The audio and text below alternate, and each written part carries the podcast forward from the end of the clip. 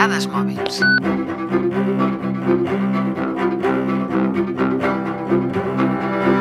ha un percentatge altíssim de possibilitats que qualsevol trobada entre amics o familiars acabi amb alguna conversa sobre el passat, que us he d'explicar. I, com també sabreu a la perfecció, qualsevol esdeveniment del passat és recordat com si fos infinitament millor que cap altre que estigui succeint en el present.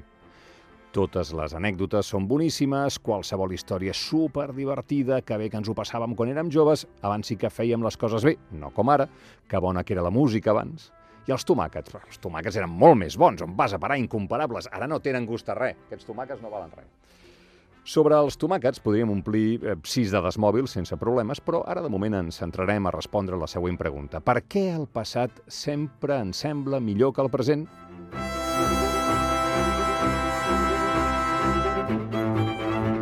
Doncs té una explicació psicològica. Segons les investigacions de la psicologia social, quan la gent fa judicis sobre les coses, ho fa usualment en relació d'alguna altra cosa. Per exemple, quan algú diu que un concert és excel·lent, volen dir que és excel·lent eh, comparat amb tots els concerts que ha vist fins aleshores. Així que, quan pensem en els esdeveniments del nostre passat, recordem l'avaluació d'aquell esdeveniment, però no la raó de l'avaluació. Exemple pràctic.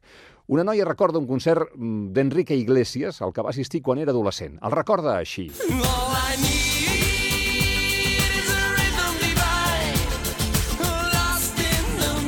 Excel·lent, quina bauassa, quina precisió en les notes.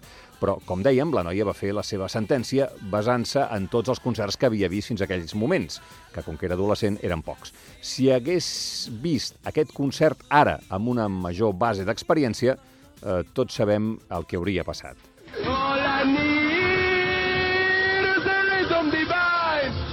Existeix encara un altre factor amb el que treballen els psicòlegs. Altres estudis també argumenten que tendim a pensar en el passat d'una manera més abstracta del que pensem sobre el present. Mentre vivim el present, convivim amb centenars de petites molèsties que hem de fer front durant tota la nostra vida quotidiana. Factures que hem de pagar, rentadores que hem de fer, amb Messi que a vegades no acaba d'estar fi... Però, en canvi, quan recordem el passat, aquestes molèsties que també patíem aleshores no apareixen en els nostres records. L'únic en què pensem és en el gran moment que van passar. A més, quan mirem enrere sobre esdeveniments passats, eh, sabem com va acabar. Sabem el final de la pel·lícula. I, és clar, la incertesa del present, en canvi, és estressant. Però si deixem de pensar en les nostres vides i ens centrem en el món en general, anem millor o pitjor que abans. Tenim algunes dades, a prova de fenòmens psicològics, que ens ajudaran a esbrinar-ho.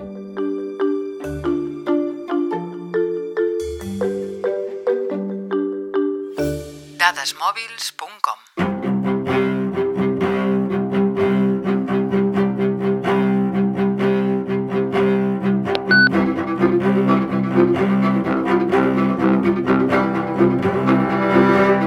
Cualquier tiempo pasado fue mejor, deia el poeta Jorge Manrique, un vers que hem acabat convertint entre tots en refrany perquè és el que ens fa sentir la nostàlgia i la idealització del passat.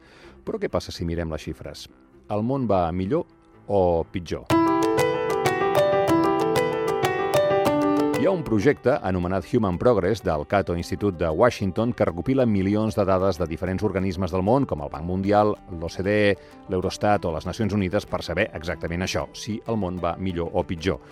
Amb les dades a la mà, cada vegada hi ha menys pobresa. Al 1970, el 26% de la població mundial vivia en condicions d'extrema pobresa.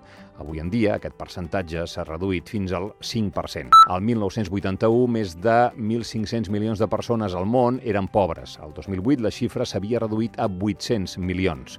Considerant que avui en dia som un 40% més de gent al planeta, és una bona reducció. Cada vegada hi ha menys guerres i cada vegada mor menys gent en conflictes bèl·lics.